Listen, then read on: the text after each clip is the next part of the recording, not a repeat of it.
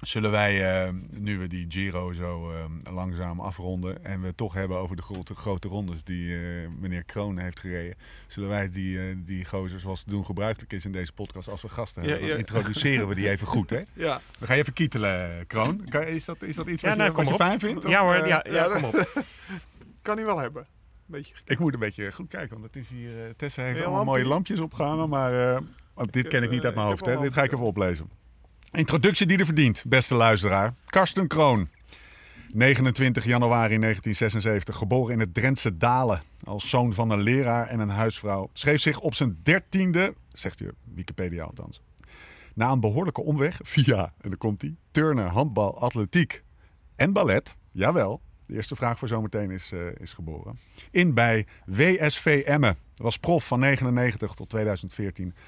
Man van de eendagswedstrijden Heuvels en Kasseien. Droeg de bergtrui in zowel Giro, Tour als Vuelta. Won in Castilla y León. Kreeg postuum een overwinning. Parijs-Nice in zijn schoot geworpen. Reed kort in Lombardije, vijfde. En Vlaanderen, vierde. Tweede in de Amsterdam Gold Race van 2009. Tweevoudig winnaar van Rondoem den Henninger Tour. Reed voor Rabo, CSC, BMC. 13 grote rondes, 11 overwinningen. Maar beleefde zijn finest hour op de fiets die ene dag in 2002 in Plouay. De negende, achtste etappe van de Tour de France won die. En hij reed zich daarmee in een select gezelschap van Nederlandse etappenwinnaars in de Tour. Karsten Kroon. Van 29 januari 1976. Milovovic nog een keer. En Dekker. Wat kan die nog? Renier hier aan de leiding. Belovovic Dekker rijdt nog het gat toe naar uh, rijdt dat gat knap dicht. Heel en hij kijkt, waar zit Kroon? Kroon zit in vierde positie.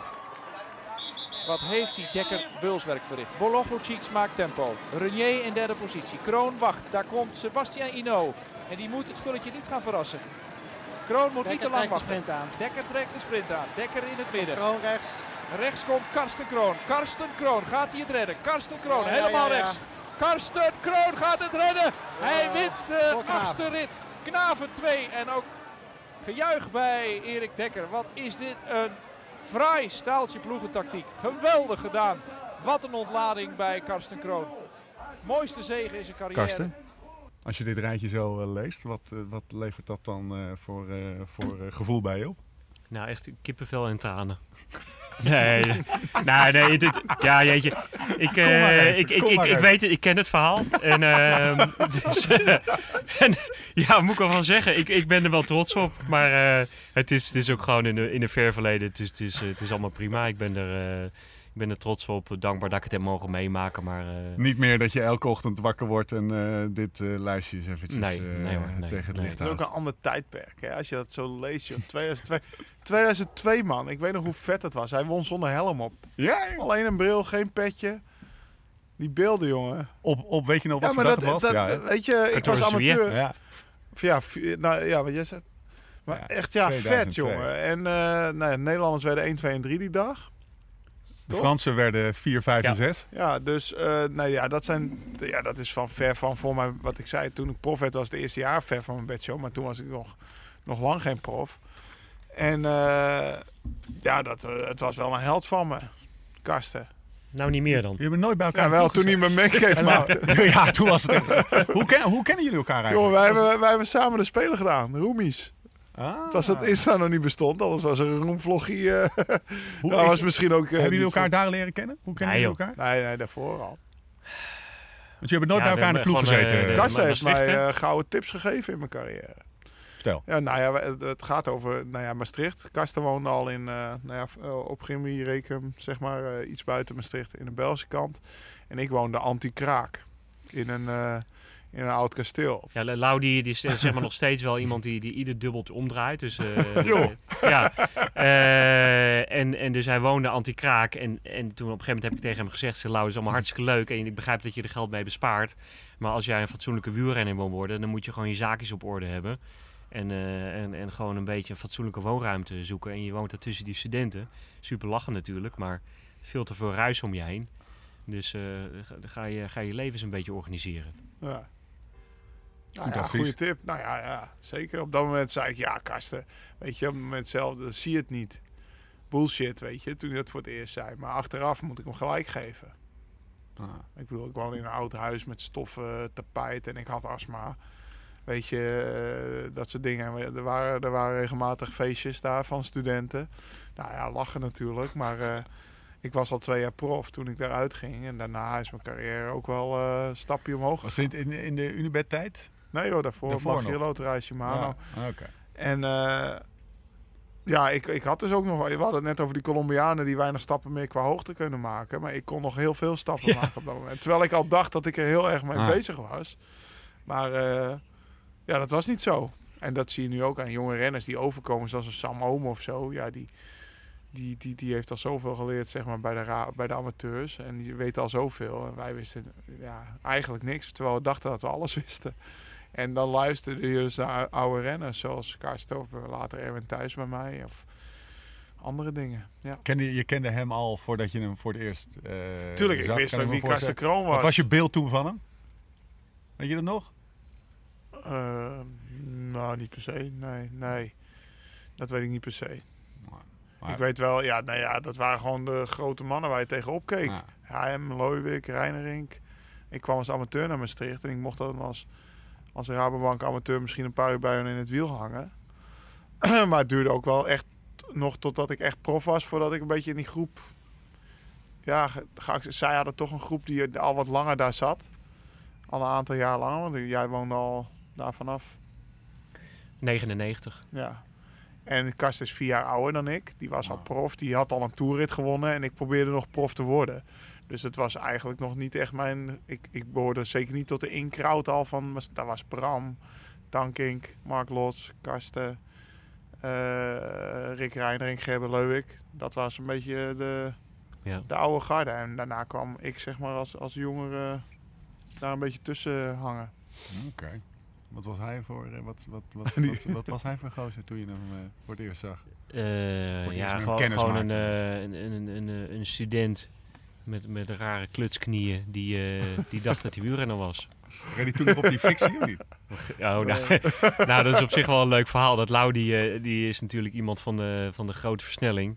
Die echt totaal geen, eh, geen souplesse heeft. En dan, dan had hij dan altijd het idee dat hij dat kon verbeteren. Kan me beter Dus dan, eh, in, in, in de winter eh, ging hij, eh, moest hij dan, ging hij, ging hij op een, hij heeft dan een fictie waar hij dan op rijdt. Ja. Waardoor je dus ehm, eigenlijk gedwongen wordt om, om af en toe te, te spi- spinning the legs, om, om licht te rijden. En toen daar ging hij dus ook als we gingen rijden in de voerstreek. De Ardennen niet, maar de voerstreek, zeg maar een heuvelachtig parcours. Daar ging hij ook met ons mee op die domme fictie. en dan moesten we in iedere afdaling op hem wachten. Omdat hij dan natuurlijk, dan moest je 180 omwentelingen rijden. Wat hij natuurlijk niet kon. Dus eh, en op een gegeven moment toen, eh, ik weet nog zo, eh, dat was een keer in, in januari. Daalde, eh, eh, Dalhem heet het dorpje. En eh, zo'n zo'n afdaling, nou, je gaat er 50 km per uur. Dus, en, eh, en hij zat op het fietsje. dus ik zat erachter en ik zat er echt hoofdschuddend bij het wiel. Jezus, van een flapdol. en, eh, en toen kwamen we op een rotonde af. En die rotonde, de, de linker, de, de linker als je de linkerkant zou nemen, wat je dus in een koers zou doen, was iets korter. Maar het was gewoon natuurlijk geen koers, maar we waren gewoon aan het trainen. Dus wij gingen aan de rechterkant langs. Maar Lau die had het soort helemaal op de limiet in die afdaling. Omdat hij op die domme fictie reed. Dus die ging links. Maar er kwam een, een auto van de andere kant. Was een oud dametje. Die, eh, en dus hij reed, reed vol op die auto. Lachte op die motorkap. Dus dat vrouwtje die had, bij, die had bijna een hartaanval. Dus die stopte. En, eh, en dus ging hij dat vrouwtje uitschelden. dat zij hem aanreed. Ik zeg, Lau, dan moet je echt snel je bek houden. Ten eerste is je eigen stomme schuld dat jij, dat jij op die domme fictie rijdt. En ten tweede is, jij gaat aan de linkerkant van de rotonde langs. Je rijdt een... Je zit, ligt hier op de motorkap van het vrouwtje. Ik zeg, je moet gewoon nu excuses aanbieden. Ja, dit is wel, deze lijn heeft zich, al- heeft zich wel doorgezet. Zeg maar het, eh, Het Nee, joh, die wilde, als, ik, als ik op een fictie aankwam, dan wilde die al niet meer mee. Dat, eh, op een gegeven moment ben ik maar alleen gaan trainen. Waarom, waarom was het, Lau? Ja, Volgens mij heb je die vraag wel eens de eerder gezet. Voor je souplesse. Ja, het is, het is geen slechte training. Alleen beter langs het kanaal als door de voerstreek. De afdalen is iets lastiger, ja. Dus, maar ja, dat, ik hoopte natuurlijk ook dat ze langs het kanaal gingen fietsen. Maar ja, de Karsten vond het ook wel leuk om dan de route door de voerstreek te lachen. sturen. Ja, dat ja. En, en dan is daar die... eh je nee, maar ik denk net- dat we echt naar elkaar toegegroeid zijn, ook tijdens de in Spelen. die- ja. Welke spelen waren dat? In Peking, Beijing. Ja. Daar hebben we veel samen beleefd. voor en na en tijdens eh, Ja. de koers. En eh, ik reed dat jaar voor het eerst voor Rabobank, daarvoor voor Unibet. En ik werd, ja, ik reed voor het eerste Tour. Ja. Dus Karsten accepteerde me. Nee, we zaten mooi samen op de kamer. En ik weet nog goed Robert Geesink en eh Stef Clement. Die zaten op de andere kamer van, eh, van de nationale selectie toen. En, In het Olympisch dorp. in het Olympische dorp en wij met z'n tweeën. En eh, ja, kijk, ik was natuurlijk toen een jonge hond en Karsten was vier jaar ouder. Je had al spelen gedaan. Ik had in Athene had ik een spelen gedaan en toen, eh, toen ben ik denk ik de dag daarna moest ik alweer. Eh, Dus de, de wielrenwedstrijd is eigenlijk altijd de, de eerste ja, dag. Hè? zaterdag, Ja. zeg maar. Dus eh, vrijdag is de openingsceremonie, zaterdag is de mag je dus wegkoers. niet bij zijn. Dus je mag niet bij de opening- Het openingsceremonie is echt de zijn. minst leuke tijd Ja, van de. Olympische Het Spelen. Want je wil de nou, laatste week erna zijn. Eh, nou, het is, zou te gek zijn als je volgens drie weken mocht blijven. ja, precies. Nou, dat, dat mocht dus niet. Want ik ben dus, eh, ik heb die wegwedstrijd gereden toen in Athene. En toen de dag daarna ben ik naar huis gevlogen omdat ik de Ronde van Nederland moest rijden. Nee. Ja, echt super sneu. Komen Dus die toen dacht ik serieuze wielrenners. Toen heb ik ook mezelf voorgenomen als ik nog een keer de Als een Olympische Spelen... judoka daar de eerste dag judo, dan is hij drie, weken drie lang, weken eh, lang een mannetje in het Heineken. hij bij de Nou, dit is tegenwoordig moet je dan op de verliezersvlucht, toch? Of, Oh ja, eh, dat is waar. Ja. Oh ja, eh, Ja, hè? van uh, Confrère Maurits Ja. Hendricks. Ja. inderdaad. Ja, ja, dat is een toffe gast is dat, joh. Dat is naar Ja. aanleiding van die spelen. Jeetje, gewoon met z'n allen. Die vlucht is ingesteld naar aanleiding van de Spelen in 2008. Maar daar, daar komen we zo op. Maar, eh, en toen heb ik mezelf voorgenomen, als ik nog een keer de Spelen eh, doe, dan blijf ik gewoon tot het einde en dan ga ik gewoon drie weken feesten. Eh, en toen, eh, vier jaar later, toen reed ik dus weer de Spelen, was dus Beijing. Eh, toen reed ik bij Ries inmiddels. En toen, dat kreeg ik dus niet voor elkaar, dat ik daar drie weken mocht blijven van Bjarne. Eh, maar een week mocht wel, of Drie vijf dagen? dagen. Nee, we zijn met drie dagen gebleven. Nou, ik weet het zeker. lijkt wel een week. Ja, het leek wel. Dus, dus maar, maar was wel was goed dat Dus, langer dus we was, hadden die wedstrijd gereden en, en ik reed echt heel erg Als slecht. een natte krant. Ik reed echt verschrikkelijk, maar het was bij die start toen 43 graden. Hè, dat Ja, was het op was het heel plein van was Vrede. ging- oh, dit ja, zijn precies. mooie verhalen. Ja. Ja. Was al een... Ik dacht, waar maakt hij zich nou druk om, weet je? Ik, ja, ik presteer best wel goed in de hitte. En hij was zich maar aan het druk maken bij de bondscoach. Dat hij airco moest hebben voor de start. Want ik, ik, wist wel dat als het 43 graden was en ik moest daar anderhalf uur zitten, dan was ik al uitgedrukt voor Ja. de, gedroogd voor de start. Dus ik zei tegen Egon van Kessel, ik zeg Egon, ik moet wel ergens cool kunnen zitten daar bij de start. Want je bent daar anderhalf uur van tevoren, van tevoren. Anders heeft het voor mij helemaal geen zin meer om te starten. Ja. Ja, ik, Kroon, eh, ik, eh, ik regel dat voor u. Echt geen probleem. dus we komen daar uiteindelijk aan. Hij Hij natuurlijk helemaal niks veel, joh. Dat Dus ik kwam Ja. natuurlijk, was er helemaal niks geregeld natuurlijk. Dus, eh, dus, ik, was, dus ik was echt drijfnat van het, zwe van in het de zweet auto. voor hij de, heeft voor een de start al. in een draaiende auto met Nee, airco gezeten. Ja, hij en- wilde nog niet uithalen om zijn ooklied op te halen. Bij eh, Ja, daar heb ik nog steeds spijt van. dus, eh, twee uur uit koers, weet ik. Nee, maar goed, eh, dus inderdaad na twee uur uit koers. En jij, jij hebt hem wel Nee, uitgereden. maar ik. Laurens is inderdaad echt een autistische topsporter. Ja, Ja. ja. ja nee, Karsten Het heeft echt. niks met autisme te maken. Dit heeft met- met zelfkennis te maken. Dat bleek ook wel. Dus, eh, maar, maar goed, uiteindelijk in de hebben we het daar uitstekend naar ons zin gehad Ja. daar in, in Beijing. En we gingen dus inderdaad, waren vaste klanten daar bij het Heinekenhuis. In mijn herinnering was het zeven dagen, maar het was blijkbaar maar drie. En dat was op zich wel leuk. Dat was in een, in een oud paleis daar eh, in, in Beijing. Eh, Heineken, die hebben natuurlijk wel redelijk kapitaalkrachtig, dus die hadden het allemaal prima geregeld. En op een gegeven moment, het, was, het regende heel hard, dat weet ik nog goed. en, ehm, en op een gegeven moment, we hadden redelijk wat gedronken. Ik, ik kan het als verhalen over vertellen, jongen. dat gaan we ook doen. Hoeveel gigabyte zit er op dat Dus, ehm, eh, jongen? Dus eh, op een gegeven moment stonden we daar buiten. We hadden, we hadden redelijk wat gedronken. En eh, er was zo'n hele mooie marmeren vloer, Vloer. daar buiten. En, eh, en er waren dus eh lui die, waren, die namen een aanloop en die gingen dan over het marmer glijden. En die gleden echt 20 meter door. Dus wij, nou, dat heeft net een verhaal verteld over chronische zelfoverzicht. dus, dus wij dachten, nou dat is te gek. Dus Lau, die wou ook stoer doen een keertje. Dus die denkt, weet je wat, ik, dat ga ik ook doen. En die had zo'n zo'n Olympische kloffie had hij aan. die regenjas, die, volgens mij. Die regenjas die uiteindelijk daar niet zo geschikt voor bleek. Maar goed. En ik heb het, ik, dus ik filmde het. Dus hij nam een aanloop. En ik, ik heb het filmpje nog, denk ik nog wel ergens. Dus dat, ik had toen zeg maar de eerste Nokia waarmee je ook daadwerkelijk filmpjes kon maken. Dus ik, ik, dat hij een aanloop nam. Ik filmde dus. En hij nam een aanloop en hij, hij, hij duikt daar op zijn borst op die marmeren vloer. Om dan vervolgens 20 meter door te glijden. Maar hij lag meteen stil. dus, dus, Op de borst. Ja, dat, en eh, dan had je Oh, je ik ribben heb nu gekneusd of zo. erin, maar toen had ik ook gekneusd erin. Oh, je, was- je hebt echt gewoon een blessure opgelopen. Nou ja, ik heb het natuurlijk wel groot gehouden daarna, maar dat was niet fijn, nee. Dus eh, ja, joh, wat, eh, we zijn ook nog een paar keer die Silk Market af geweest. Of zo'n zo, zo'n Chinese zwarte markt. Echt met tassen vol troep, joh. En we kwamen toen op een gegeven moment in het Olympisch dorp. En een... eh, Ik had... nee, maar hoe een stem had ik alweer? Nee, jij, jij had zo'n stem! ik had zo'n stem!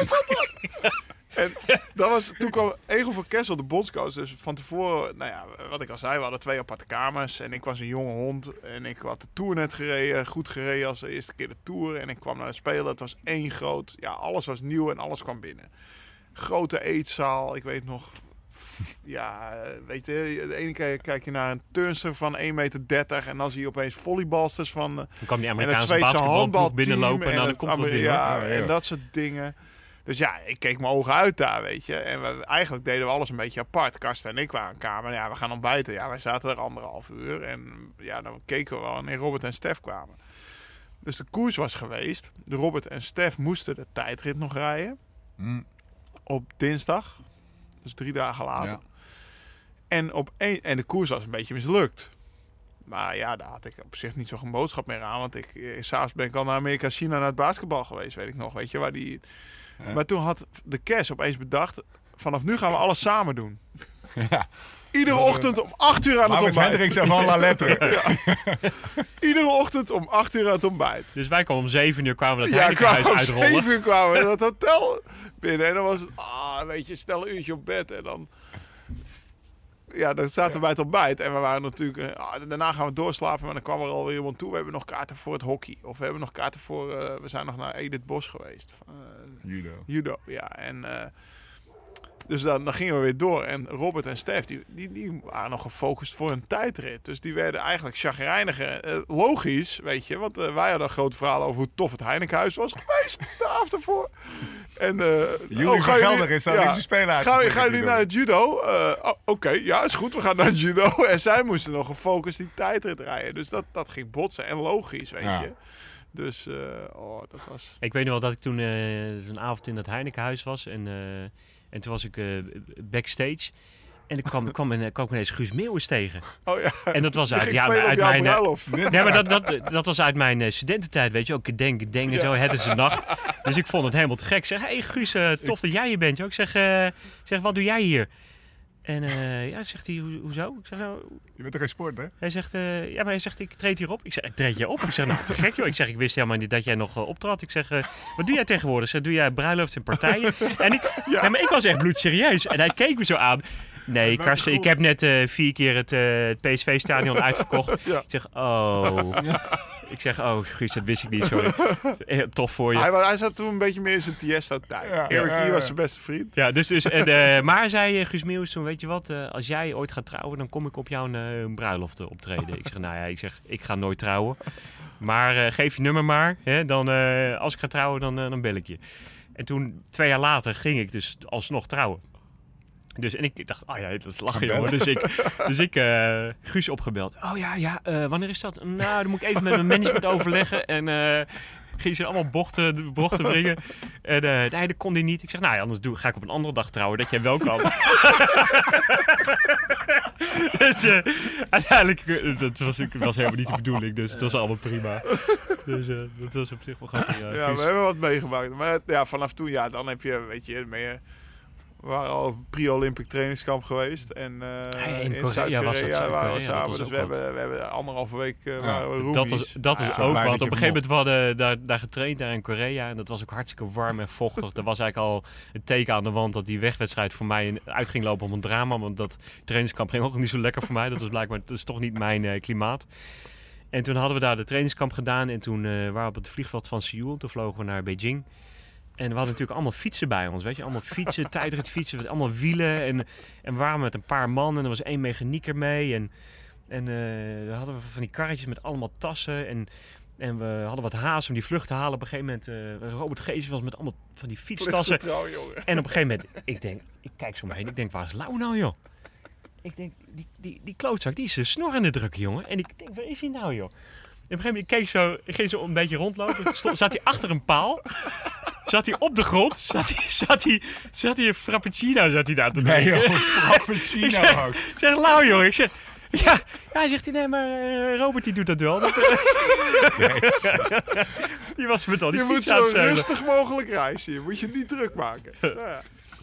Niks veranderd. Eh, Ja, dus eh, als ik het goed begrijp, is die, eh, die koersdag voor jou niet, niet je mooiste dag eh, op Dat de was fiets drama, ooit geweest. Hè? Nee, nee. Weet je, weet je, en ik heb je die vraag eh, van tevoren gesteld, ongeveer Ja. tien Nou, minuten voor nou, de ik, ik uitzending. vind het een hele mooie vraag. Wat Ik, is de mooiste, en de vraag is, wat is de mooiste ja. dag op de fiets ooit? Een Nee, hele nee, brede ik, ik, vraag. ik zou er gewoon heel graag een heel goed antwoord op willen geven, maar ik kan het niet zo goed bedenken. Maar het, eigenlijk het eerste waar ik aan dacht, dat is een trainingskamp dat ik alleen deed in Spanje. En dat ik op een gegeven moment, dat moet eh, ergens in januari zijn geweest. En eh, het was een mooie eh, winterdag. Eh, de zon scheen, het was denk ik een graad of, graad of 15. En ik zou die dag lang gaan fietsen. En ik, ehm, en ik reed omhoog, een hele steile klim naar, naar Guadalest, die grote weg vanaf Benidorm. En er was een beetje wind in de rug en de zon scheen. En eh, gewoon echt zo'n soort... eh, ja, zo'n soort gelukzalig gevoel van gewoon dat op die fiets zitten en je gewoon heel sterk voelen en fit. En dat je het enige wat ik hoorde was, eh, was, was mijn ketting, zeg maar. En je eigen ademhaling. En dan gewoon dat, dat, dat, dat intense gevoel van geluk van, van in je eentje op die fiets zitten en, en lekker buiten zijn. En eh, ja, dat soort momenten heb ik denk ik best wel veel gehad. Maar daar moet ik gewoon even aan denken. En nu je net eh, zegt, oh, vertelt over die rit de- eh. ja, die rit in de Tour. ehm, ja, uiteindelijk is dat dan toch wel de meest bijzondere dag geweest. Omdat dat was gewoon een dag dat alles klopte. En dat ik eigenlijk iets deed wat helemaal niet kon. Dat ik toen een rit in de Tour won. Eh, maar op een of andere manier viel alles toen op zijn plek. En het eh, deed me heel erg denken aan die rit die eh Cesare Benedetti dit jaar Hm. in de Giro won. Gewoon een gast die ook echt nooit wint. En dan ineens eh, over ja. zichzelf uitstijgt en Ja. en gewoon, ja, ongelooflijk dat hij daarbij zat en dat hij dan die sprint wint en een rit in de Giro wint. Ik bedoel, dat, dat gaat het ook gewoon zijn. Die gaat ook nooit meer een rit in de Giro winnen. Weet je, en dat was eh, bij mij En toch, ook... en toch vind ik het mooi dat je, dat je niet het, eh, het, zeg maar, het topsporters antwoord geeft, maar het antwoord waar we heel veel, me- ik, terwijl jij dit vertelt, Ja, dat, dat he- hebben veel fietsers, ja, eh, dat er een dag is dat ze zich gewoon, dat alles klopt. dat klopt, dat, ja. ze, dat ze dat net op dat moment even het windje in de rug hebben of zo. En net even uitgerust. En net alles helemaal goed is. Ja. Mooi. Ja. Hey, en ik weet je wat ik ook dacht eh, dat, het, eh, dat je voor antwoord zou geven? Het WK Mentricio. Ja, En dat was puur omdat ik je dat een paar dagen Ja. geleden hoorde zeggen. nou, dat is eigenlijk gek. Dat is eigenlijk de dag dat ik mijn top bereikte. Dat ik... eh, en je werd daar? Dat echt, het was echt het gevoel alsof ik tegen het, eh, tegen het plafond van mijn mogelijkheden aan zat. Dat was gewoon de best mogelijke karsten. Ik werd twintigste. Ja. Eh Cadel Evans won. Mm, dat was waanzinnig zwaar. Het was geloof ik 6000 hoogtemeters die dag. Ik, ik werd kansloos gelost in die finale. Maar dat was... Ik heb nooit beter gereden dan toen. Waar, waar, waar, zat dat dan in? Omdat je heel snel makkelijk gaten dichtreed? Of eh, eh, dat je al... Wat, waar, want je werd twintigste. Ja, En toch kom je tot deze conclusie. ja. Ja, zo, zo voelde dat gewoon toen aan. Ik was er ook ontzettend trots op. Terwijl, het, ja, het is hetzelfde. Het is natuurlijk een uitslag van niks. Maar dat was, dat was echt de best mogelijke karsten. Ik denk als ik met die benen de Amsterdam Gold Race had gereden... Hm? eh, dat ik misschien wel had gewonnen. Of de Ronde van Vlaanderen. Dus, maar ik, ik had het net op die dag, ja. Ik kan me herinneren dat, ehm, eh, dat Sinkeldam op deze vraag toen antwoordde... ja, dat was een trainingsdag. Hè? Dus dat, dat, dat het ook maar net een wedstrijddag moet zijn wat Ja. jou mooi is. En jij komt dus eigenlijk ook weer niet, in eerste instantie met een niet-wedstrijddag op te proppen. Ja, Ja, Hm. wat, wat, wat, wat, wat mij nou benieuwd is, eh, hoe vaak heb je die mooie dagen nog op het eind van je carrière gehad? Hm. Ik zit natuurlijk ook een beetje op het eind en je zegt de best mogelijke kasten. Ja, de best mogelijke Laurens, als ik zo denk, zit te denken, ja, dat is misschien toch ook wel een paar jaar geleden, weet je. ja. Eh, nou ja, de, de best mogelijke Laurens op de fiets heb je het dus over. Ja, Maar ehm, ja, het, klinkt misschien nu als een hele merkwaardige opmerking, maar daar, daar, op een gegeven moment stop je met fietsen en dan, dan begint er een heel nieuw leven voor je. Ja. Maar ehm, ik, ik merkte wel, en dat heb ik Armstrong ooit, ooit een keer horen zeggen, dat hij op het einde van zijn carrière dat hij het, het, het koersen niet meer zo leuk vond, maar het trainen wel. En dat, dat heb ik ook wel zo ervaren. Dat eh, naarmate ik Ja, ouder werd, dat ik het, ik nu ook wel een beetje. het, eh, zeg maar, het, het ellebogenwerk, daar was ik op een gegeven moment wel klaar mee.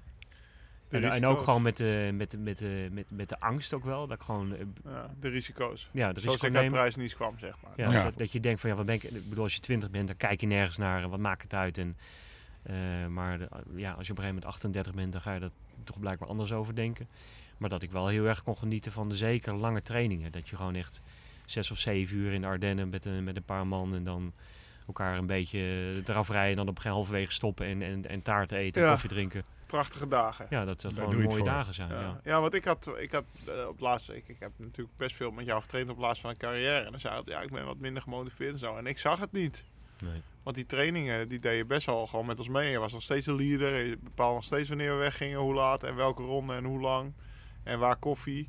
Dat was niet anders dan in de jaren 2009 tot 2012, bij wijze van spreken. Nee. Nou, maar ik denk ook wel dat, dat zeker die laatste jaar, dat de duurtraining was niet zo het, zozeer het probleem, maar echt de zware intervaltrainingen. Dat, dat ik daar Ja. moeite mee had om eh, echt zelf echt pijn, pijn te doen en, en echt tot over de limiet te gaan, wat ik daarvoor wel kon. Was de keuze om te stoppen een moeilijke of een hele Nee, totaal logische? niet. Nee. Nee, In wat voor, welke Nee. fase zat je toen je stopte? Ik was, eh, ik was toen 38, eh, 16 jaar beroepswielrenner. En ehm, dat was eigenlijk het... Ik had toen mm, twee moeilijke jaren gehad bij BMC. Ben toen daar twee keer heel hard gevallen. Twee keer bijna doodgevallen. En toen, dat was een normaal moment geweest om te stoppen. En toen dacht ik van nou, zo wil ik geen afscheid nemen van de wielrennen. Dus toen ben ik nog eh, teruggegaan naar, naar Ries. En daar drie, eigenlijk toch wel drie mooie jaren gehad. Ehm, dus ik heb het fietsen toen wel op een goede manier af kunnen sluiten. Maar dat is eigenlijk ook wel de periode dat het, dat het echt wel misging tussen, in, in mijn huwelijk. Mm. Ehm, ja, ehm, en, en toen ik op een gegeven moment, toen ik stopte, ik ben ook een beetje bewust via de achterdeur eh, eruit gegaan. Ik heb mijn laatste wedstrijden in Beijing en de ronde van Japan gereden. Eh, of de Japan Cup. En dat was eigenlijk wel een beetje een bewuste keuze. Ik heb toen ook mijn telefoon niet opgenomen. Ik heb geen interviews eh, gedaan. Ik was er helemaal klaar mee, ook met het hele verhaal van Karsten de Wielrenner. Ja. Ik zag ergens in Maar ben je te lang doorgegaan voor je gevoel? Of was het Nou goed? ja, ik, ik, ik, ik ben in ieder geval zo lang doorgegaan dat ik zeker wist je- dat, het, dat je- dat, het, dat het niet te vroeg was. Een jaar extra had je echt niet aan moeten denken, zeg maar. Nee. nee. Je- Terwijl trainen je nog wel leuk vond. Maar Nee, maar ook dus wat ik ook zei, dat Ja, eigenlijk vanaf het moment dat ik stopte met koersen, heb ik eigenlijk ook bijna niet meer gefietst. nee, dat vond ik heel jammer om te zien. Dat eh, weet Ja. ik nog wel dat dat, dat, dat bij mij eh, niet tegen de borst stuitte. Maar dat ik dacht van, ja, heb je dan zoveel jaar iets gedaan wat je eigenlijk niet leuk vond? Dat gevoel kreeg ik dat ik dacht van, ja, dat is toch eigenlijk zoveel jaar iets tegen je natuur ingedaan. Ja. Of eh, ja, waarom niet? Want ik weet, twee jaar later of anderhalf jaar later ben ik met mij in Amerika geweest. En van tevoren eh, altijd een beetje tegenstribbelen. Nou, we gaan niet te veel fietsen. Hè? Niet te veel fietsen plannen. En uiteindelijk voor het fietsen volgens mij best wel leuk wat we daar deden. Maar ja, dat ik dan toch zoiets van... Die, die, tuurlijk, je gaat misschien niet, net zo hard die klim naar Guadalest oprijden... met dat fantastische gevoel wat je toen die ene dag had. Maar misschien kan je nog best wel genieten van, weet ik veel, eh, rondje eigen het met zon en vrienden. En, Ja. Ja, ik, eh, ik, ik kan daar geloof ik geen antwoord op geven. En dat hoeft volgens mij ook niet. nee. Het, het is zo gegaan en het, het is allemaal prima, denk ik. Ik Ja. las ergens, eh Karsten, dat je jezelf beschreef, of dat je je laatste jaar beschreef als, en dan ook in het licht van de scheiding die toen eh, op handen was, of in ieder geval gebeurde daarna, dat je een soort afgestompte versie van jezelf was. Ja. Kwam dat door de sport? Ehm, een hele gecompliceerde vraag. Om daar een goed antwoord op te geven. De, ehm, ik denk dat, dat het wielrennen een hele goede manier voor mij is geweest om, om mijn energie te kanaliseren. En eh, om op een eh, gezonde en ambitieuze manier door, door het leven te gaan. Eh, ik, ik zit toch denk ik wel een beetje in het ADHD-spectrum. Dat Mhm. ik eh, veel energie heb en en ik denk dat het, ik, ik, ik ben er totaal niet voor geschikt om de hele dag stil te zitten. Dus wat dat betreft is het wielrennen... Lekker, Eurosport. Ja, nee, maar goed, oké, het is vijf uur per dag stilzitten, maar eh, tijdens de reclame dan ga ik soms eventjes Push-ups. even 20 push-ups doen. maar en ik kan iedere morgen of iedere avond gewoon eventjes sporten, dus Ja. dat, dat is gewoon wel fijn. Oké, dus wat dat betreft is het, is het wel een hele mooie manier mooi geweest middel mij geweest. om, om door, door het leven te gaan. En het heeft me he- heel veel over mezelf geleerd. Het heeft me heel veel, heel veel eh, gebracht. Hm. En eh, nee, ik ben, ben zeer zeker een gelukkig mens. Maar het is wel zo, het wielrennen. de, de- ik heb er ook wel eh, toen de tijd met eh Geert Leijners over gesproken, de arts van Rouwbank. Mhm. Ehm, een hele, hele intelligente man. Die, ik weet niet hoe het nu met hem is, maar die volgens mij eh, ook nog wat, wat universitaire studies heeft gedaan op latere leeftijd. Die volgens, mij- volgens mij ook geschiedenis, en ja, ja. dat ging hij op een gegeven moment Nou, studeren. Dus eh, ja, mooi. Ja. Maar die ook zei dat, eh dat wielrennen dat het eigenlijk een hele unieke eh, combinatie is van, ehm, eh, van, van druk, van stress. Eh, hè, wat veel mensen in het eh, gewone leven ook wel ervaren, denk ik, eh, in het bedrijfsleven. Druk om te presteren. Als je niet presteert, dan, eh, dan vlieg je eruit. Eh, van ehm, pijn. Hè, pijn eh, is hetgene waar, je, waar het begint eigenlijk. Pijn is hetgene waar je verslaafd aan raakt, waar je van geniet. Maar het is ook waar het ophoudt als je het niet meer aan kan. Hm. Eh, dus het is iets waar je constant mee te maken hebt, met pijn eigenlijk. Hè, iedere keer tot de limiet gaan. Ehm, en ook sociale instabiliteit. Ehm, dus je bent gewoon 200, 250 dagen per jaar weg. Wat ontzettend lastig is voor, voor thuisfront. En niet, niet alleen voor je, voor je vrouw en voor je kinderen, maar ook voor je familie en voor je vrienden. Eh, dat het uiteindelijk, eh, ja, ik leefde op de planeet Kroon en iedereen moest zich aanpassen aan mij.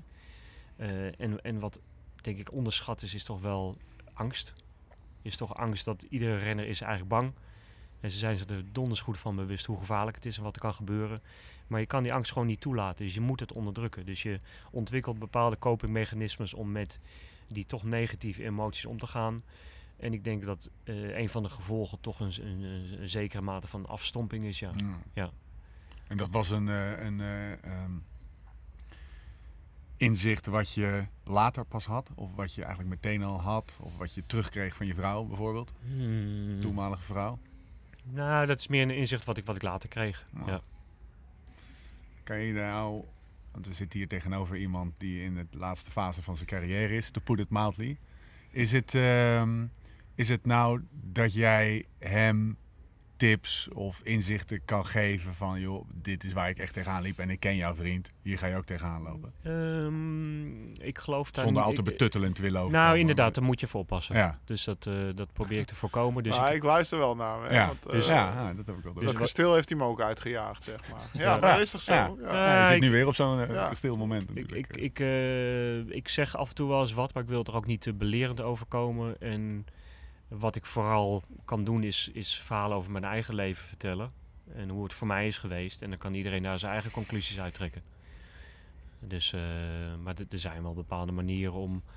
eh, Op een gegeven moment dan gaat Laurens stoppen met fietsen. En hij heeft toch wel veel meegemaakt. Veel hele mooie dingen, maar ook heftige dingen. En er zijn wel hele goede manieren om dat, om dat te verwerken en in goede banen te leiden. En ik denk dat het allerbelangrijkste is dat je ehm, als renner, als je stopt, dat je eh,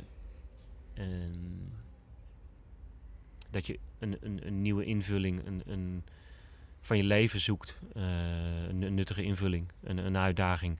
En ik denk dat hij daar nu al heel goed mee bezig is met... eh, ja, met wat ben je allemaal mee bezig? Met je, met je gravel rate en met je, met je podcast, met je koffie. En, dus dat, dat komt wel goed. En, en wat ik ook pro- wel probeer is, is toch ook renners ervan overtuigen dat het heel goed is dat hun vrouw ook een eigen leven heeft. En, en ook dat ze die de ruimte moeten geven om zichzelf te ontwikkelen en zichzelf te ontplooien.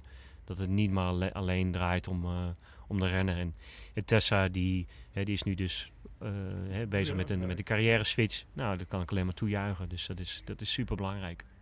verschilt zijn als je zo nu met die bril naar de situatie van Laurens, we hebben het even over je, Lau, je zit aan tafel, maar kijkt. Verschilt hij dan wezenlijk dan van die van jou op dat moment? Ja. Ik denk dat Lau Laurens is, ehm, die is, die is wat gestructureerder dan ik. Dus die is ook wel, eh, ja, die, die, wat dat betreft doet, hij, dat, doet hij dat beter dan ik. Ook dat hij, eh, nou, dat hij, Laurens is wel iemand die heel erg eh, goed is in het organiseren van quality time. Ook voor zijn gezin en zijn kinderen. Wat bij mij soms wel eens lastig was. Dat ik, dat is een beetje hoe ik daar van buitenaf naar kijk. Maar bij mij was het er ook wel zo dat toen ik renner was, als ik dan thuis was, dan was ik vaak ook gewoon moe en zagrijnig. En dan, dan zat ik op de bank eh, niks te doen. Terwijl ik dan dat dan eigenlijk de momenten. Dat zijn wel herkenbare dingen hoor. Want Hij stuurde me, nou dan komt u voor mij niet belerend over, maar heel erg herkenbaar. Ik ben eh, tussen Hoogte en Luik één dag thuis geweest. En eh, toen stuurde hij me toevallig die dag zelf of een dag van tevoren. Of na, dan- en daarna nog een weekje in Gulp op de camping. Lau, ben je niet te moe? En te, te chagrijnig tegen je kinderen. Want vroeger, ik kon, dan, Hmm. dan was ik dat en ik wist het. Maar ik baalde zo van mezelf, zei hij, als ik dat was. Alleen dat wegsteken is lastig. Nou ja, ik ben dag thuis geweest tussen Hoogte en Luik. En we hadden ruzie over hagelslag bij het ontbijt. Het gaat helemaal nergens over. Ja, ja, ja, ja, ja. Maar, maar het is er wel. Weet je, omdat je moest chagrijnig. En wat Karsten zegt, je bent 220 dagen per jaar van huis. Dus dat sociale komt er ook nog bij. Het ging niet om haagslag bij het ontbijt. Het ging om, ja, ik, mag ik ook wat vertellen over de kinderen? Bij wijze van. Of, of ja, weet je. Dus dat zijn wel, eh, nou ja, als Karsten eh, dat zegt, dan neem ik dat... Ja, Ja. Of het was heel herkenbaar voor mij dat hij het zei. Ja, god, eigenlijk baal ik ook van mezelf. Ben ik één dag thuis, ga ik nog ruzie maken ook. Hoeft helemaal niet. Maar ja, het gebeurt wel. Beetje gek vraag misschien, maar kijk je wel eens op tegen een moment dat je eh, gaat stoppen? Op. Ja? Eh, nee, ik, ja, ik zie hem vooral als een hele goede vriend. Hij zal er altijd voor me zijn. Nee, nee, nee, ik bedoel meer tegen het, eh, ja, dat Oh, ook. Tegen- op tegen- tegen het moment dat je stopt, omdat je niet ja, weet, maar- omdat je in een heel ander leven stapt. en dat nou bevestigt Karst eigenlijk maar. Het is echt gewoon kijk je een tegen- Ja, nee, ja, dat, je gaat opeens... nieuwe versie van jezelf. Ik weet nog wel dat Karsten eh, meteen zei, ja, ik, hoe, dat, dat hij het in het begin... Ja, want hij zegt nu juist, je moet een nieuwe invulling zoeken. Maar in het begin zei hij, oh, was zo heerlijk. Ik, ik lig in mijn bed 's ochtends en ik hoef niks. Ja, inderdaad. Ja, ja. Dat, zei, dat, dat zal ik altijd onthouden, dat je dat... Dat, dat was waarschijnlijk in die periode. Nou ja, maar dan werd ik 's ochtends wakker, inderdaad. En dan, eh, dan dacht ik, oh, wat voor weer is het? Eh, het regent, Ja. dan moet ik vandaag 7 uur trainen. Of, eh, en dacht ik, ik hoef helemaal niks. Dat vond je heel Ja. chill in het begin. Ja, maar dat, dat, Dat gaat voorbij. ja, Ja. Ja, en ik kan me ook voorstellen Maar dat geniet ik daar eh, vooral even een beetje... Ja, ja, ja, maar ja, ik, ik vul het juist misschien. Tank, die, ging, eh, die stopte op, eh, op, op zondag, maar die was een week eerder al begonnen met werken. Ja. Dus die heeft dat momentje misschien niet gehad. En eh, bij mij gaat het er misschien ook op uitdraaien dat ik dat moment niet krijg.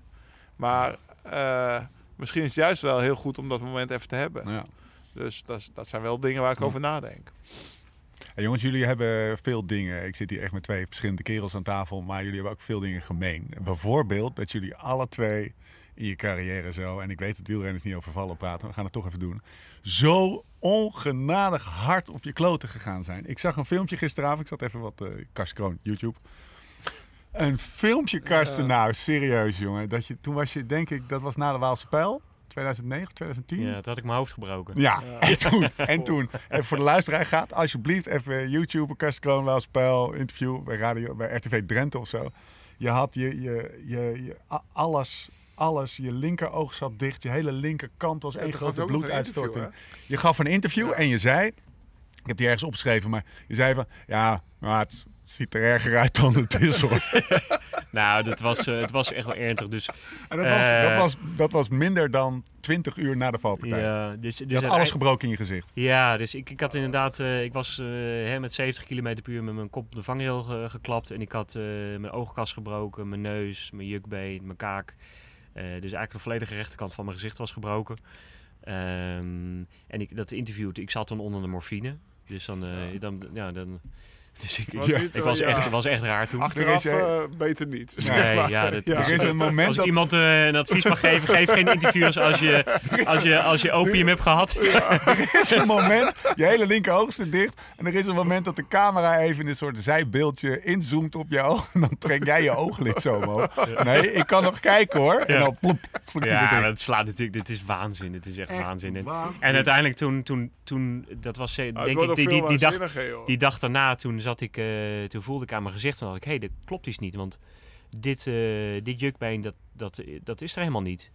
Dus toen ben ik naar, eh, weer naar terug te gaan naar het ziekenhuis en zei ze, oh nee, je hele, eh, je hele rechterkant van je gezicht is 2 centimeter naar binnen geduwd. Dus we moeten dat reconstrueren, omdat je anders gewoon helemaal mismaakt gaat zijn. Dus toen heb ik wel eens wat operaties eh, gehad om mijn gezicht te reconstrueren. Ja.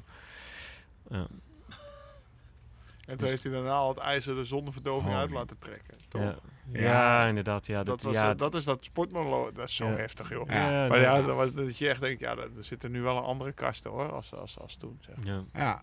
Want dat heb je, dit is de anekdote waar Laurens eh, het over heeft. Dat je naar, ja, ging, dat was, dat was voor in de sportmonologen. Nee, dus er waren wat plaatjes in mijn gezicht gezet om dat, eh, dat dus, dus recht te zetten. Dus die kaakchirurg had me geopereerd en op een gegeven moment toen eh, die titaniumplaatjes die moesten er dus weer uitgehaald worden. En toen had ik die chirurg ervan weten te overtuigen om dat zonder verdoving te doen. Ehm, en ik, ik zei dat Waarom? ik dat... Ja, dat is een goede vraag. Ehm, eh, ik, ik, ik dacht toen dat ik dat moest doen omdat ik, eh, ik, ik, dat ik geen narcose wilde. Hè. Ehm, maar uiteindelijk was het gewoon een beetje een rare manier om te kijken hoe ver ik mezelf kon pushen, wat ik, wat ik aankon. Eh, en een mens kan heel veel aan, dat, weet ik uit ervaring. Eh, maar wanneer is het nog gezond en wanneer is het nog leuk? Dus en die, eh, nou, die zegt hier, man, nou ja, als je dat wil, dan doe ik dat, is prima. En dat was dus ehm, in het ziekenhuis. En toen ging ik in een soort tandartsstoel zitten. En er was een, ehm, een, een zuster bij. En die kaakchirurg die begon dus uit mijn, via mijn mond begon hij dus te snijden om die, die plaatjes eruit te halen. En eh, ik voelde dus dat het. eh, ja, ik voelde dat het warme bloed dus in mijn mond stromen. En dat was op een gegeven moment echt zo erg dat ik, geen, dat ik bijna stikte in mijn eigen bloed. En die zuster die probeerde met een soort stofzuiger de bloed op te zuigen. Ja, net zoals bij de tandarts. En die, eh, die, die, op een gegeven moment zag ik dat die, eh, die, die, die, die kaakchirurg, die, die, begon, die, werd helemaal, liep helemaal rood aan en die begon eh, te zweten. Toen dacht ik, hé, dit gaat misschien niet helemaal lekker. En, maar hij kreeg die, die plaatjes dus niet los. Dus was met een tang was hij, probeerde die, die schroefjes los te draaien en dat lukte niet. En ja, dat, dat was, eh, dat was te ver. Was echt was, ja, tuurlijk, ja, dat was te ver over.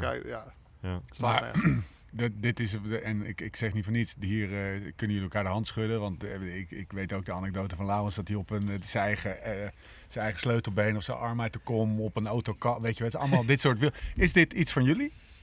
En heb ik, zit ik nou toevallig hier met twee van, die, twee van die gasten aan tafel die, die toevallig van die harde shankers zijn. Dat ze met Nou. pijn, dat ze pijn op de een of andere manier, dat ze een andere omgang met pijn hebben dan ik, ik, ik denk dat. ehm, Of is het een wielrennersding? Het is een wielrennersding, denk ik. Het is ook gewoon onderdeel van duurrennen. eh, pijn.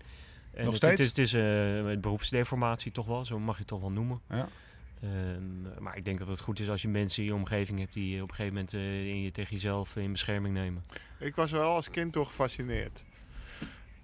Ik vond het mooiste stuk in de boeken van Gert-Jan Teunissen die ik las. Hoe die, als hij dan aan het vertellen was hoe hij eh, op spijkerbedden ging liggen. Of eh, zichzelf op zijn vingers sloeg met een hamer of zo. om, gewoon, gewoon, eh, hij dacht dat ervaren. wielrennen was zoveel mogelijk pijn kunnen verdragen. Weet je. En Kijk dat was ik dat ook als, kan. toen ik nog in dat studentenhuis hadden we nog wel eens van die studentenspelletjes met tafeltennisbedjes, weet ik veel, op elkaars kont slaan of zo. Dat, eh, dan was ik wel altijd wel, eh, ja, dan, dan, dan, dan, dan was ik niet de eerste die, eh, eerder de laatste die zeg maar uh, hoofdstop zei. Dus dat was, ja, was wel een dingetje, maar dat is nu zeker niet meer zo, zeg maar. Dus dat zou, ja, dat als je terugkijkt, ja, ik heb die sportmonologen met kippenvel zitten, want ik was, Ik was daar live bij. Toen Kast hem vertelde. Hm. En eh dat was kippenvel. Want er waren, kwamen nog veel dingen naar voren die ik zelfs niet wist, zeg maar. Ja, ging over je. Ga, eh, voor de luisteraar, eh, Ja. als je nu dit zit te luisteren, check dat even. Eh, wat ik me vooral persoonlijk afvroeg is van, want ik dacht, eh, Karsten, want het gaat best wel, je bent best wel. eh, eh, het is een stevig verhaal, ook over je jeugd en ook over je vader. Eh, Ik dacht, dat heb je van tevoren voorbesproken met je vader, maar eh, in het interview na het optreden zei je, nee, dat heb je niet met hem voorbesproken. Nee, nou, Hoe een reageerde hij? beetje. Hij zat er in ieder geval heel trots bij. Ja, nou ja, natuurlijk was het eh, pijnlijk voor mijn ouders. Ehm, en als ik daar nu op terugkijk, dan. Ik zat er ook gewoon een beetje in een gekke periode van mijn leven. Dus, Dus je was eh, net gestopt, hè? Ja, en ik zou dat ook niet weer doen, geloof ik. Nee? Dus, maar goed, het is, het is helemaal gebeurd zo en ik kan het ook niet terugdraaien. Eh, Wat is een gekke periode trouwens? Een beetje een soort Twilight Zone of zo? Of een, Ja, een kutperiode? Ja, we- ja, geen idee. Een soort. ehm, ja, dat, eh, een soort verwerkingsperiode of zo. Ja. Geen idee. Maar ik was net gestopt met fietsen. Ik was gescheiden. Ik was aan het nadenken over ja, wat. Dit is wat dat is wat het sportmonoloog eigenlijk deed. Dat het me deed nadenken over ja, wat heb ik nu eigenlijk gedaan? Ja, wat is er nou eigenlijk allemaal gebeurd? En dat ik erover na ging denken. En ook gewoon dat ik op dat moment ehm, echt een beetje klaar was met mezelf. Met het hele verhaal van Karsten de wielrenner. Ehm, Dat wil je per se niet, hè? Een Hosanna-verhaal ophangen Nee. van nee. Hoe tof het allemaal was Het ging ook Nee. bijna niet over jou Nee, ik, ik, ik, ik, Nee. ik zat ook, ik zat niet zo lekker in mijn vel en ik, ik dacht ook niet zo positief over mezelf. Ja, Dus en dat is nu wel, wel wat beter geworden. ja. Dus ik denk dat ik nu het verhaal, als ik het nu zou doen, dat het anders zou zijn. Er zit wel inderdaad een andere gozer, kerel naast me nu dan ik nu gisteren of twee dagen geleden op YouTube eh, Hmm. zat te bekijken, zeg maar. Dus dat, eh, dat, eh, herken ik wel. Oké. Ehm, jij hebt bij 168, was eigenlijk een vraagje, maar je hebt bij 168 verschillende renners in, eh, in een ploeg gezeten. ik heb die lijst hier, maar het is te donker om het te laten zien. Wat ik eigenlijk wilde doen, is noem een nummer. Weet je wat, we gaan het gewoon doen. Noem een nummer. Dit is een, eh, een, eh, een, noem, een, noem een willekeurig nummer tussen de 1 en de 168. 27. 27. Adi Engels. Nummer 27. Karsten. Adi Engels. Toeval bestaat niet. Wat komt er het eerste in je op als je de, eh, naam Adi Engels hoort? Nee, ik, heb, eh, ik ken Adi al heel lang. Ik ben eh, begonnen bij de wielersportvereniging Emmen toen ik 13 jaar was. Ja. Je zei het net al. En daar was de grote ster was, was Adi toen. Vier Ja. seizoenen mee samengereden. Ja, en toen bij, bij Emmen samengereden. Later ook bij de amateurs van Rabobank en bij de profs van Rabobank. Dus veel samen gefietst. Nog contact mee? Nee. Nee, helemaal niet meer? Nee. Is het iets waar je sowieso, heb je met, met bepaalde renners nog veel contact? Of ben, heb je echt nou, niet- heel nee, weinig, weinig, ja. Met weinig renners heb ik, eh, heb ik contact. Of ex-renners. Oké. Nou, Quinzato wel nog, zeker. Quinciato wel. Ja, heb ik nog regelmatig contact mee. noem nog eens een nummer. Ehm, Ik heb er een paar aange, aangekruist, waarvan ik vooral benieuwd ben naar het verhaal. Maar we doen het gewoon eh, eh, 117. 117. Nicholas Roach, twee seizoenen. 2013, 2014. Ja, 168 renners, dat zijn er. wat moet ik daar nou over zeggen? Ja. Ja, daar hoef je helemaal niks over te Sommige weet Ja. je niet Weet je- Ik heb nee. die lijst ook gezien. zeggen. Bizar. Ja, maar dan zie je een lijst en denk je, heb ik met die gast vijf jaar in de ploeg gezeten? En dan denk je, één Johan, jaar. En Johan Chop. Ja, bijvoorbeeld, Johan dan wist je het er niet meer. Dan zitten er Daar echt weet wel ik ook tussen echt helemaal niks meer meer van. Je hebt nog een jaar in, het, in, in, in de ploeg gezeten met Taylor Finney. Ja, Oh, daar, daar, heb ik mee, daar heb ik mee gelachen, joh. Ja? Ja, Finny, dat is echt zo'n briljante figuur. Echt, ja. Ik ga even kijken hoor, want volgens mij zitten er ook gewoon renners tussen dat je het niet eens meer Vertel eens wat over Finney. Wat is dat voor gozer? Wat, wat een- Ja, eh, eh, Taylor Finney, die... eh, gewoon een... een eh, wat, wat eigenlijk wel leuk is, zijn vader die heeft volgens mij Parkinson. Eh, Hm. Davis een Ja. hele goede wielrenner geweest ook. En hij is zelf heel hard gevallen, hè?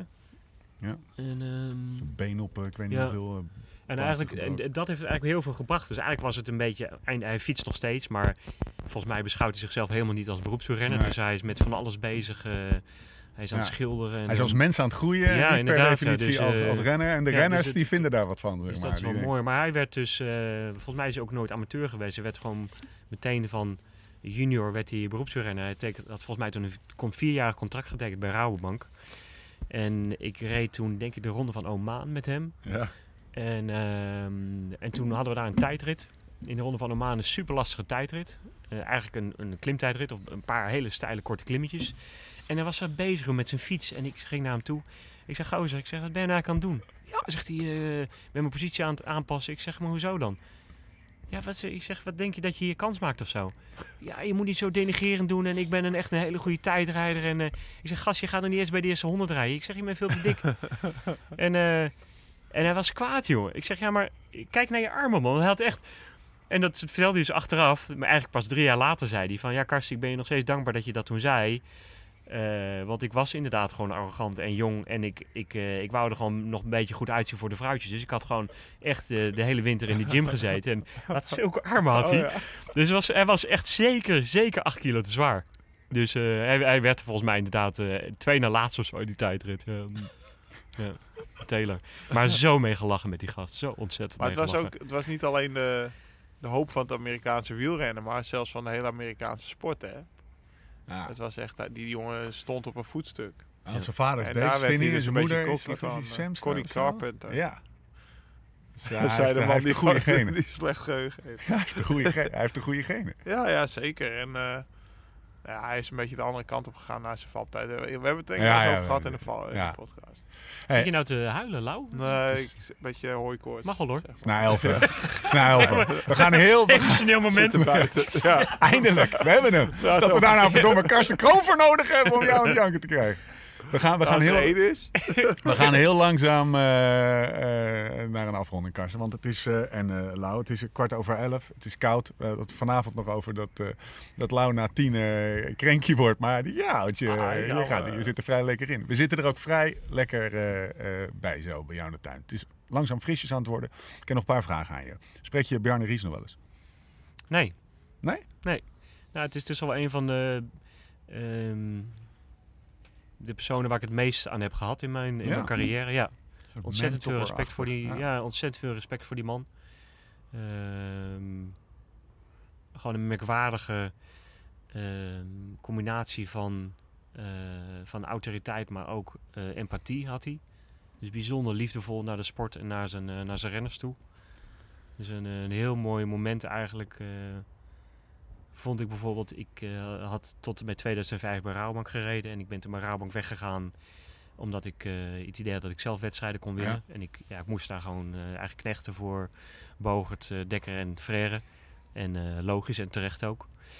Ehm, en toen, ik ging toen naar de ploeg waar ik dacht, daar maak ik het meeste kans om het beste uit mezelf te halen. En ik ging toen naar CSC toe. Ehm, en toen eh startte ik in de Amsterdam Gold Race. Hè. Dat was eigenlijk de wedstrijd die me het beste lag. En natuurlijk als Nederlandse renner. En ik had een grote mond gehad en ik had gezegd dat ik die kon Mm. winnen. En eh, in aanloop daar naartoe reed ik heel goed. Ehm, en in die Amstel, ik had, ik had wonderbenen. En uiteindelijk in die finale kwamen we met eh tien man voorop. Met ja, de, de, de grote mannen van, van dat moment. Met Rebellin, Di Luca, Bogert. eh, Rijtje hoor. eh, Mooi man. eh, Kroon.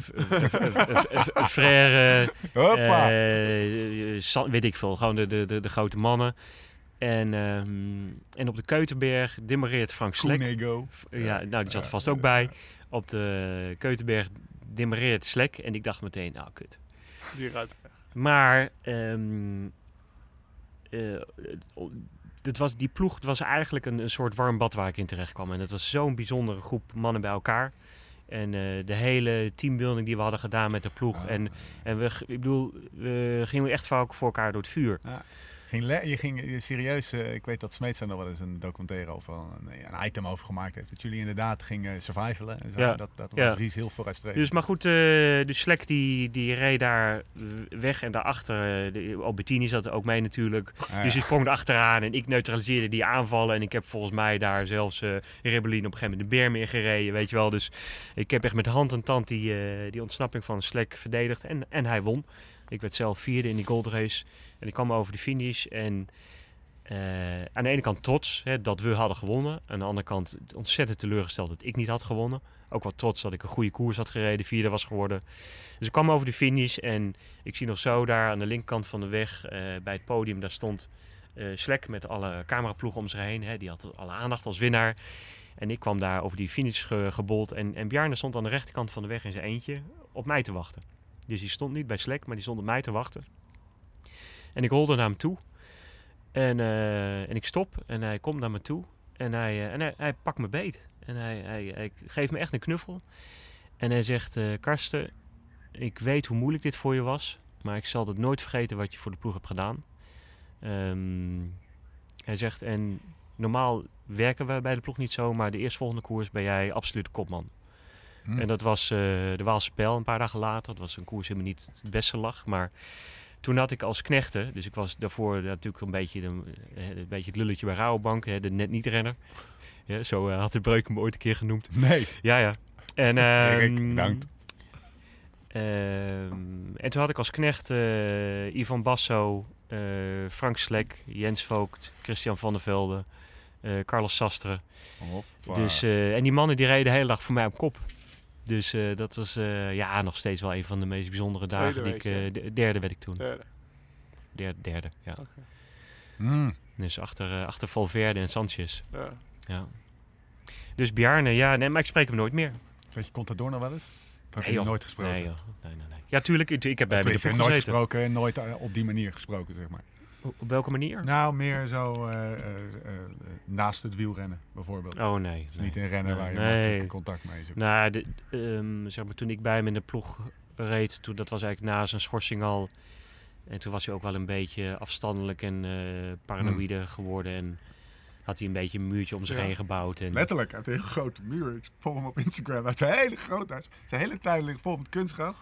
En zijn hele hoge muur van 6 meter zijn tuin. Oh ja? Zeg maar. Er ligt Ja. geen, geen, geen verbaast in Karsten niks. Ja, nee, maar ik weet ook dat hij bijvoorbeeld als hij dan eh, als hij een keer op stap ging, als hij, naar de, de- als, hij naar, als hij uit wilde gaan, dan ging hij naar een discotheek en dan huurde hij dan een, eh, een privékamertje waar hij met zijn vrienden ging zitten. Omdat hij dus, ja, als, als bekende persoon wauw. kon hij gewoon, eh, kon hij gewoon niet... eh, Cancellara? Ja.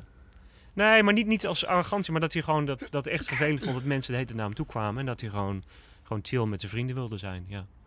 En Kanselaar spreek je ook niet meer, of wel? Nee, nee Fabian, ja, Spartacus. Ik denk dat die... eh, Dat je- nee. Nee, waarom nou, noem- het waarom noem Karsten... je Cancellara? Nou, daar, ik weet dat Dat Karsten... is toch ook... Ja, ga door, sorry. Nou, ik weet het Karsten... Ik vind hem zelf arrogant. Of ja, en Karsten heeft mij bevestigd in mijn mening. Omdat Ja, ik, ik heb bij Fabian in de ploeg gezeten en het is, het is Die wilde natuurlijk bij wel... spreken dat Karsten zijn schoenen poetste, toch? Nou, dit is Of natuurlijk wel gewoon een persoon waar je... Het is wel een persoon Ja. waar je respect voor, voor moet of moet... eh, zou- ja, zou moeten hebben. Omdat het zo'n geweldig atleet was. En, Ja. en het palmares wat hij heeft gehad. En misschien is het ook wel nodig om... eh, Die resultaten te halen. om die resultaten te, te, te halen. Om dan een bepaalde persoonlijkheid te hebben. Maar ja, ik reed bij Dat hem... in denk de- ik niet. Nou, ja, nou oké. Er zijn natuurlijk zeker Ja. uitzonderingen. Hè? Bijvoorbeeld een, een Bonen, fa- fantastisch mens. Echt zo'n schitterende kerel. Ja. Maar, eh, maar bijvoorbeeld Fabian, dan, dan zaten we voor de Ronde van Vlaanderen in de, in de bus van de ploeg. En dan zat, zat hij naast me en dan was hij... eh, dat was op een gegeven moment ook... Dat is een ander verhaal weer. Maar op een gegeven moment was hij, eh, was hij zijn nagels aan het veilen. In de bus. Echt voor de Ronde van Vlaanderen. En dan, ik, ik, ik keek dan Stuart O'Grady aan.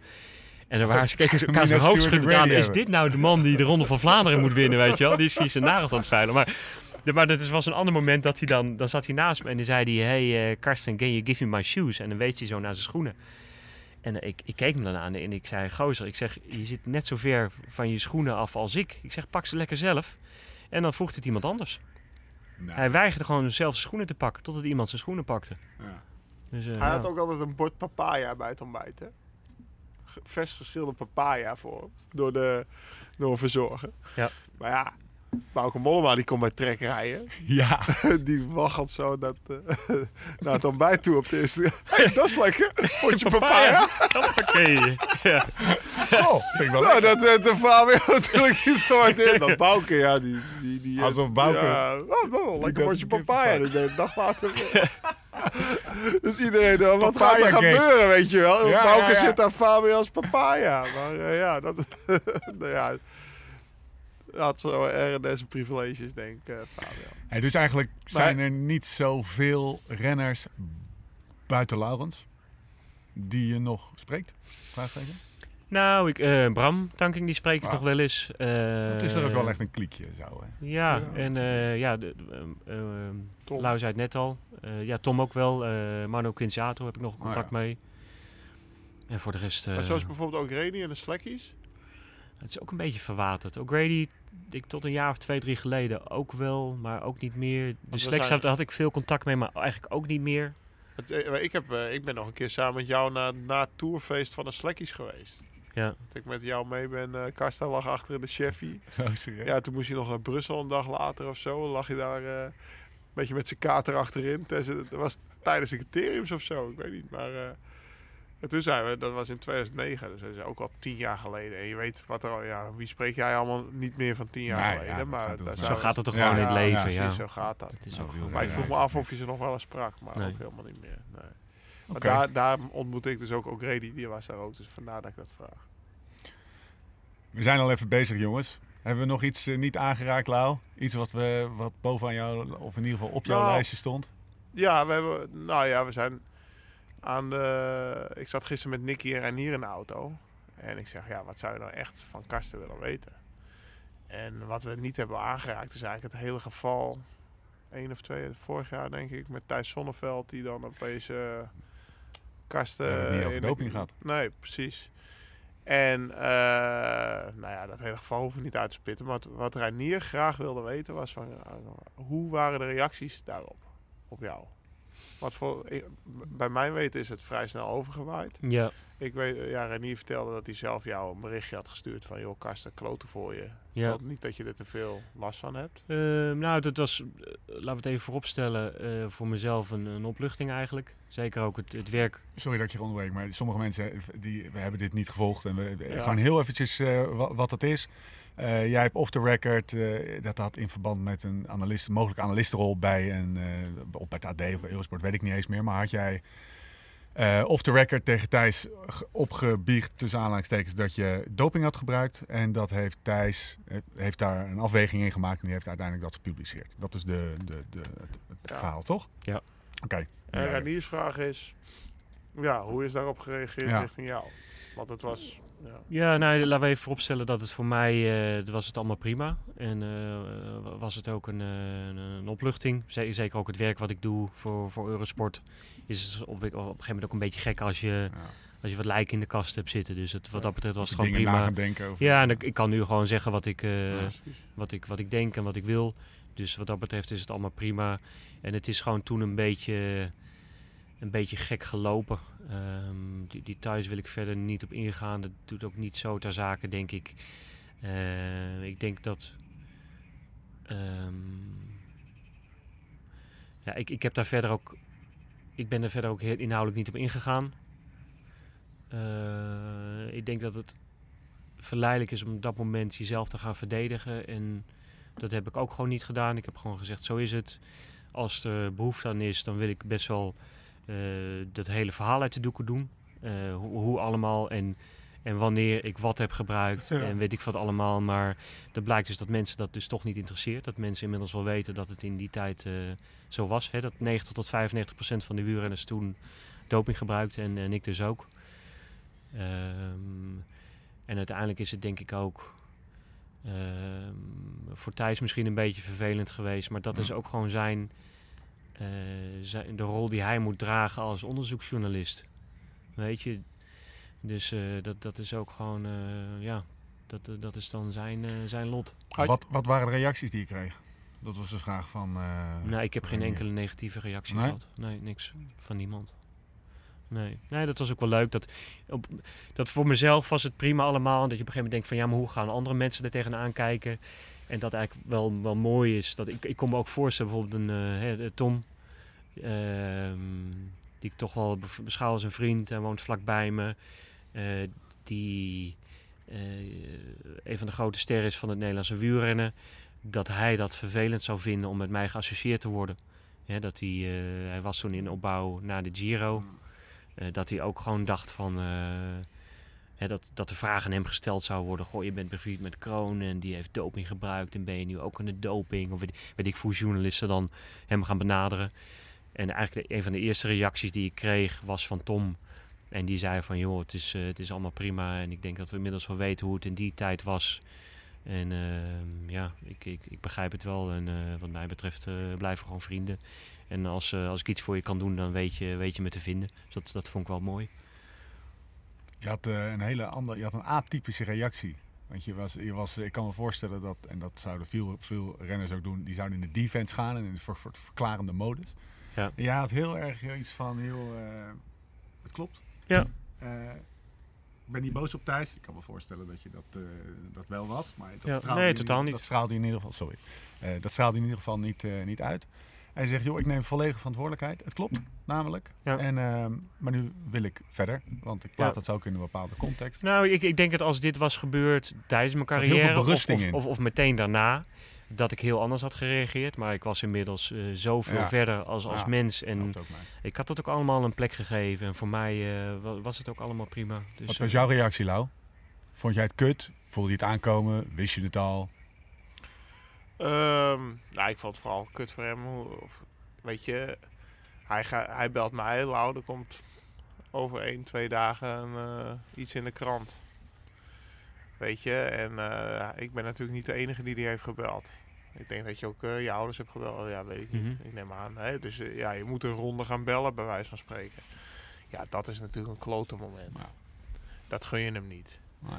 Maar kijk, als hij nu zegt, joh, Lau, eh, uiteindelijk is het een oplichting voor in mijn huidige werk. En eh, ik had er toen al zoveel afstand van dat, eh, dat ik dat een plek kon geven. Dan is het eigenlijk misschien maar goed dat het gebeurd is. Zoals het gebeurd is. Maar ik kan me best, ik, en ik weet ook wel, die dagen daarna waren voor Karsten ook best raar. Want het staat zondag in, of zaterdag in de krant. En op maandag moet je weer commentaar geven, bij wijze van spreken. Toch? Zo was het ongeveer? Ja, maar ik, ik, ik, ik, moet- ik moet eerlijk zeggen dat het, eh, dat is heel gek, maar dat het eigenlijk wel fijne dagen waren. Ik heb me uitstekend vermaakt. Ja, Dat is oké. misschien een beetje gek. dan? Ja, weet ik niet. Eh, ook eh, omdat ik merkte dat het wel goed werd ontvangen. Ja. En dat er ook gewoon wel, eens een soort van begrip was. Ehm, en ja, ook, ook omdat ik eh, eigenlijk mijn, mijn, mijn, mijn persoonlijkheid en mijn ego ook niet ophang aan, aan mijn wielercarrière, geloof ik. Nee. Dus, Ja, dat is heel eh, gezond natuurlijk. Ja. Ja. en ehm, ik, ik weet nog wel dat ik toen, die, die, volgens mij die dag daarna ook gewoon moest werken bij Eurosport. En had ik een t-shirt aangedaan eh, waarop stond, eh, ik heb het ook niet makkelijk. dat vond ik zelf heel grappig. dus, ja. Een sarcastische slachtofferrol. Mooi. Ja, ja. Dubbel. Nou ja, mooi dat het. eh, ja, dat het. Nou ja, ik ben. Kijk, Renier was heel erg benieuwd naar. Hè, en eh dat is toch mooi om te horen dat de Ja. reacties overwegend. Eh, ja, positief.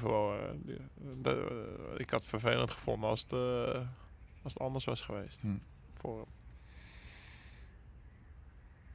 Ja. Dat komt gewoon dat hij dicht bij me staat. Hè. Dat, Ja. ja. wat ik zeg, dat, eh, zo'n rondje bellen, hè, dat is gewoon niet lachen. Eh, Oké. Ik denk nogmaals dat dat met jouw eigen, de manier waarop jij dat toen hebt ervaren en medegedeeld. Maar dat is ook niet gespeeld geweest. Nee. Dat, eh, en dat voelen mensen Ja. ook, weet je. Ja. Ik bedoel, dat eh, mensen hebben rap genoeg door als daar iemand eh, Ja. zeg maar niet eh, authentiek overkomt. Of gespeeld. Alright. Nou, dan hebben we het daar ook over Plechtige gehad. afsluiting. We hebben het daar ook over gehad, eh, meneer Kroon. Ja. Moest jou nog iets... eh, Nee, jullie hebben me helemaal niet eh, gevraagd of de gelegenheid gegeven om dit voor te bereiden. Dus Nee. eh, ik, ik heb Stop. niks voorbereid. Ik, eh, We hebben elkaar ook niet de gelegenheid gegeven om het voor te bereiden, dus dat is mooi. Maar het was wel voorbereid. Thanks oké, dat je er was. Graag gedaan. Voor eh. je, voor je eerlijke, nuchtere, eh, serieuze, geestige verhaal. Ja. Graag gedaan. Het was een, eh, was een, was een feest. In de tuin. Wat was het mooiste? Bentley. Bij Huis ten.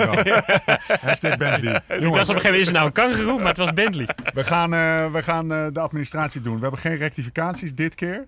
Ehm, vergeet niet een kijkje te nemen op liveslow, liveslowridefast.com en La Machine. Ehm, wil je reageren op de uitzending? Dat kan via Twitter of Insta. Ehm, je weet ons te vinden. Jij, jij gaf laatst live de uitzending aan. Ik lees ze wel. Je had die van mij gelezen. Dankjewel nog. Ja. Eh, heb je die nog? eh, nee. Eh, maar je kijkt ze wel, maar je bent niet zo actief, hè, geloof ik. Twitter Vol- of Instagram? eh, Nee, vol- volstrekt inactief. Oké. Nee, ik... eh, nee. We het toch helemaal niet over gehad. Hij kijkt alleen wielrennen. Als hij Oh ervoor ja, betaald wordt. Want je bent echt, je bent echt een liefhebber. Ja, ik, ik, ik, ik ga niet, eh, ik zit niet 200 dagen per jaar voor de televisie om alle koersen te kijken. Ja. Dus ik, ik heb Zoals nog, eh, bepaalde mensen hier aan tafel. Ja, ik heb nog- Dat ik heeft hij aan tijdens de koers, maar voor Dus- de rest niet. Ja. Ja. Nee, maar eh, eh, ik, ik zie dat om me heen ook mensen die, eh, die zich helemaal verliezen in, in, in Twitter en die daar helemaal in opgaan en Ja. daar ongelukkig van worden en van wakker liggen. Ik gebruik het als, als inspiratie. Dus zoals ik al zeg, je zit regelmatig naar groeiend gras te kijken als je wielercommentator bent. En dan, dan kijk ik op Twitter en als mensen daar wat interessants eh, zeggen, dan kan ik daar eh, Dus kan ik dat, weten kan ik dat allemaal behandelen. Karsten te vinden op Twitter. Ja. Tijdens de uitzending. Vooral tijdens de reclames. dat. Dus ik, ik lees het wel. Maar en, en als ik zeg maar, als mensen iets, eh, iets negatiefs over mij zeggen, dan eh, reageer ik daar niet op. Maar dan vind ik, moet je ook consequent zijn. Als mensen iets positiefs zeggen, dan doe ik dat ook niet. Kijk. Dus, en het is dus Dat is niet dat ik dat niet leuk vind of niet waardeer. Nee. Maar het is gewoon een principiële kwestie. Hoe lang moet je morgen in de boot zitten? Eén uur? Eh, Anderhalf uur? Ja, volgens mij is het weer een 1 uur uur, of, uur 31. of vijf. Ja. Ja, Eén uur Volledig 31. betaalde Ja. dag. 1 uur 1 ja na, na, na, na anderhalf uur heb ik een day-fee. Dat is een, een dagvergoeding. Dus dat zijn de beste dagen. 1 uur 31. Je bent in overleg met, eh, met de organisatie van de Giro of ze die starttijd niet wat eh, verder uit elkaar kunnen trekken. Eh, nou, laatste dagje met meneer Van Hey, Bellegem. maar dat is wordt ook trouwens weer een genieten. baan. Ik denk dat heel veel mensen met hem willen ruilen. En betaald wielrennen kijken. Ja, toch? Ja, dat eh, Ja, begrijp dat ik. Ik, is ik, koester, koester het ook. Dus, het is, eh, dus ik denk dat ik het iets van 100 dagen per jaar doe. En het geeft mij de mogelijkheid om, om een goede vader te zijn. Eh, ik ben gescheiden, ik heb co-ouderschap en ik kan nu gewoon echt de helft van de tijd thuis zijn. Ik ben dus regelmatig, of ja, ik probeer een beetje eh, om de week thuis te zijn. En dan, dan, dan kan ik alles met mijn kinderen doen. Ik kan met ze opstaan, boterhammen smeren, ze naar school brengen, lief voor ze zijn. Ik kan ruzie met ze maken. Eh, ik kan met ze sporten, ik kan met ze buiten spelen. En dat, dat is denk ik, eh, dat, dat koester ik. Kan en dat zijn. kunnen heel veel gescheiden vaders niet. Nee, maar dat... Als je daar... Nou, ja, je hebt de meiden net meegemaakt. Zijn ook leuke meiden. Punt. Nou, dat eh, daar heeft Karsten ook zeker zijn aandeel in. En als je daar op maandagochtend bent... Want ik was er vorige week maandagochtend. Nou, dat is wel leuk om te zien. Waar Lena in, wordt in naar school. Ja, ja, ik was bij Karsten in Voernover. Ik heb een paar dagen getraind in Limburg. En eh, nou ja, dan moet er inderdaad eerst de een naar school en dan de ander naar school. Nog even een tas nagebracht, want eh, dat was eh, kamp. Hè, ze gingen naar het zinkviooltje. Ja, dus, eh, zo ging op schoolkamp, ja. Toen ging hij op schoolkamp. Dus ja, dan is hij, wat hij zegt, hij is dan thuis en vader. En dan gaat hij inderdaad niet wielrennen liggen kijken. Je zegt ook heel vaak in de uitzending, dat wil ik net zeggen. Je zegt ook heel vaak in de uitzendingen. Ja, die mensen die niet kijken, ja, die dit aan het kijken zijn, ja, weet je, ik, ik snap het eigenlijk niet. Die mensen moeten toch ook werken en zo. En als ik dan net dat flitsje zie, dan denk ik, oh shit, ik moet weer aan het werk. Weet je, wel. meteen een schuldgevoel. Dus namens alle Eurosport-kijkers bedankt voor het schuldgevoel waarmee je ons eh, eh, mee opzadelt. Ga je morgen doen, Lau? Eh, trainen weer met Nicky en Nier. Ja, ja. Ja, En, oh, ja, en ik blijf ook met Nicky eten zelfs. Ja, dus, relaxed. Hoef je niet af te wassen. gezellig dagje. Ja, precies. Had je nog, kom je nog een beetje aan je trainingsuurtjes? Ja, ver- verschrikkelijk joh. Ja, nee, we hebben maandag, dinsdag, woensdag onwijs goed getraind. Gisteren naar Nijmegen, dus het wordt een mannelijk weekje. Morgen met die mannen mee. ja. Geen last meer? Eh, nee, ja, behalve op de kasseien. Ja. Dus eh, nee, nee, ik, eh, het is nu een aantal weken geleden. En, eh, ik heb net iemand gehoord die zonder verdoving een, eh, iets uit zijn kaak liet snijden, zeg maar. Dus eh, nee, je hoeft mij niet klagen over deze ribbetjes. Dauphiné start, zondag. Eh, volgende week, ja. Ah, wanneer vertrek je? Vrijdag. Dus eh, ja, Even een stevig week ja, ik ga nog twee weken, twee dagen eh, bij Karsten zitten. Ga jij morgen doen, Karsten? Eh, nou, ik, ik wil eigenlijk vroeg opstaan. Het wordt morgen heel warm. Dus eh, vroeg opstaan met die meiden en met Alice. En dan eh, is het plan om naar het strand te gaan. Ik denk dat we naar Zandvoort gaan. En eh, zij blijven daar. Eh, ik ga op een gegeven moment dan eh, met de auto naar Hilversum toe. Om die, die slottijdrit van de Giro te Om verslaan. Davy op te halen. Ja, om Davy op te halen. En dan, en dan op een gegeven moment dan... klokken. Ja, en, dan- en dan komen, komen die meiden die komen met de trein naar Hilversum Mediapark. En dan rijden we met z'n drieën naar, naar huis, naar Maastricht. En dan leg ik ze in bed en dan ga, ik, ga ik maandag ga, ga ik, ga klussen. En dan komt het Ja, nou, ja, volgens mij maandag, dinsdag, maandag. Ja. Ja, ja dus eh, ik zet mijn campertje in je tuin. En ik had beloofd dat ik... eh hij ging keihard beulen, eh, want hij ging keihard klussen, zei hij. En ik ging keihard trainen, dus eh, mooi. Mooi. Nou, we sluiten af. We zijn er doorheen. Eh, aflevering 33 alweer. Zo, ja, het, eh 33. het schiet op, ja. de had ik- volgende keer. een jaar geleden ook niet gedaan. Vanuit de Dauphiné even bellen. We zien het wel. Hoe dan ook, waar dan ook. En tot die tijd. Live slow, ride fast.